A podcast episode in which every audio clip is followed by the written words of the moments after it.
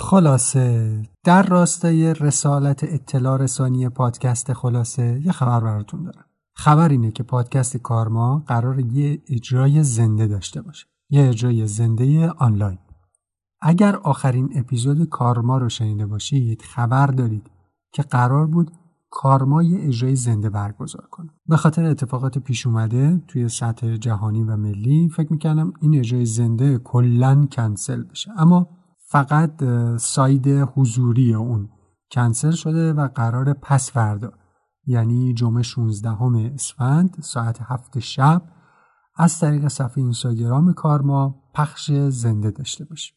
حقیقتش اینه که من کاملا واسه اجرای زنده آماده شده بودم مکانش رو امان کرده بودم تمام جزئیاتش رو پیش برده بودم و در نهایت همچین برنامه پیش اومد که من اکراه دارم از تکرار کردن اسمش از بس که همه جا داره شنیده میشه.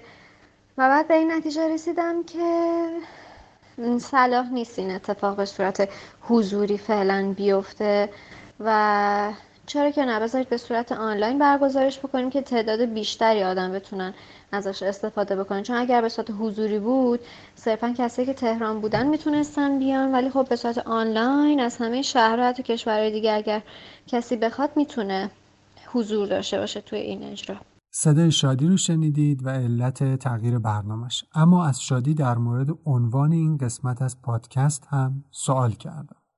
حقیقتش این که من از مهر ماه می‌خواستم یه شماره در رابطه با مد پایدار بسازم و بعد هی عقب انداختمش تا اینکه برسه به اسفند و دقیقا ارتباطش با پیش از عیده و خریدای قبل عید بهبه و تب و تاب خرید کردن پیش از عیده که من احساس کردم این آگاهی نیاز هستش که تزریق بشه شاید تأثیری بتونه واسه آدما بذاره توی خرید کردن قبل عیدشون. و حقیقتا بزرگترین انگیزه که قرار بود این شماره به صورت رویداد زنده برگزار بشه هم دقیقا همین بود. یعنی شاید اگر من برای اسفند ماه شماره دیگه رو در نظر می گرفتم یعنی با عنوان دیگه غیر از مود پایدار بود به صورت اجرای زنده برگزارش نمی کردم بیشترین انگیزه برای من اصلا عنوان این شماره بود این برنامه میهمان داره و میهمان برنامه خانم بهار خلیلی فرد هستند. اما در جریان باشید که این اجرای زنده توی صفحه اینستاگرام کارما سیو نمیشه. یعنی اینکه اگر همون روز و همون موقع اجرای زنده دیدید که دیدید اگر ندیدید بدونید و آگاه باشید که و اینکه چرا به صورت 24 ساعته نگهش نمیدارم این live رو روی صفحه اینستاگرام. قبلش بگم که من توی اینستاگرام همه جواب این سوالا رو به صورت استوری و به صورت مفصل توضیح دادم. و از شما و از همه کسی که ممکن اینو بشنون. خواهش می‌کنم که حتما اگر که کارما رو میشنون صفحه اینستاگرام کارما رو دنبال بکنن. چون من اونجا از همه جا بیشتر فعال هستم و همه خبرها رو دست اول اونجا به صورت مفصل میگم و خیلی ارتباط نزدیکی هم دارم با دنبال کننده های کارما. حالا اینکه چرا به صورت 24 ساعته نگهش نمیدارم به خاطر تعهدی هست که من به کمپین بشنو دارم. اگر باش آشنا باشید. و قرار هستش که بعد از اینکه این شماره رو به صورت آنلاین برگزار کردیم به صورت به مدت یک هفته الی ده روز این شماره در اختیار کمپین بشنو باشه که پیشنهاد می‌کنم برید آشنا بشید که چه کمپینی هست. و بعد از اون مدت میاد روی اپلیکیشن های پادکست. علتش هم این بود که من دلم می‌خواست واسه اون عده که شاید نتونن برنامه ریزی بکنن و به live برسن انگیزه ای باشه که بتونن بخشی از کمپین بشنو بشن. و این شماره از کارما شاید بتونه برای کسی انگیزه بشه که همراه این کمپین بشه. این از جواب سوالا. امیدوارم که به صورت کامل جوابشون رو داده باشم. و اگر که نبود به حال خواهش می‌کنم صفحه اینستاگرام کارما رو دنبال بکنید. شاید به جواب بقیه سوالاتونم برسید. مرسی. احساس کردم شادی دیگه این آخرها شاکی شده بودن از سوال پرسیدم. به اینستاگرام کارما سر بزنید و اطلاعات تکمیلی رو اونجا متوجه میشید. در هر صورت بهتون پیشنهاد می‌کنم صفحه اینستاگرام کارما رو دنبال کنید. هم بابت اجرای زنده هم بابت اخبار مربوط به پادکست کارما و هم اطلاعاتی که شادی در مورد سبک زندگی پایدار به اشتراک می‌گذاره.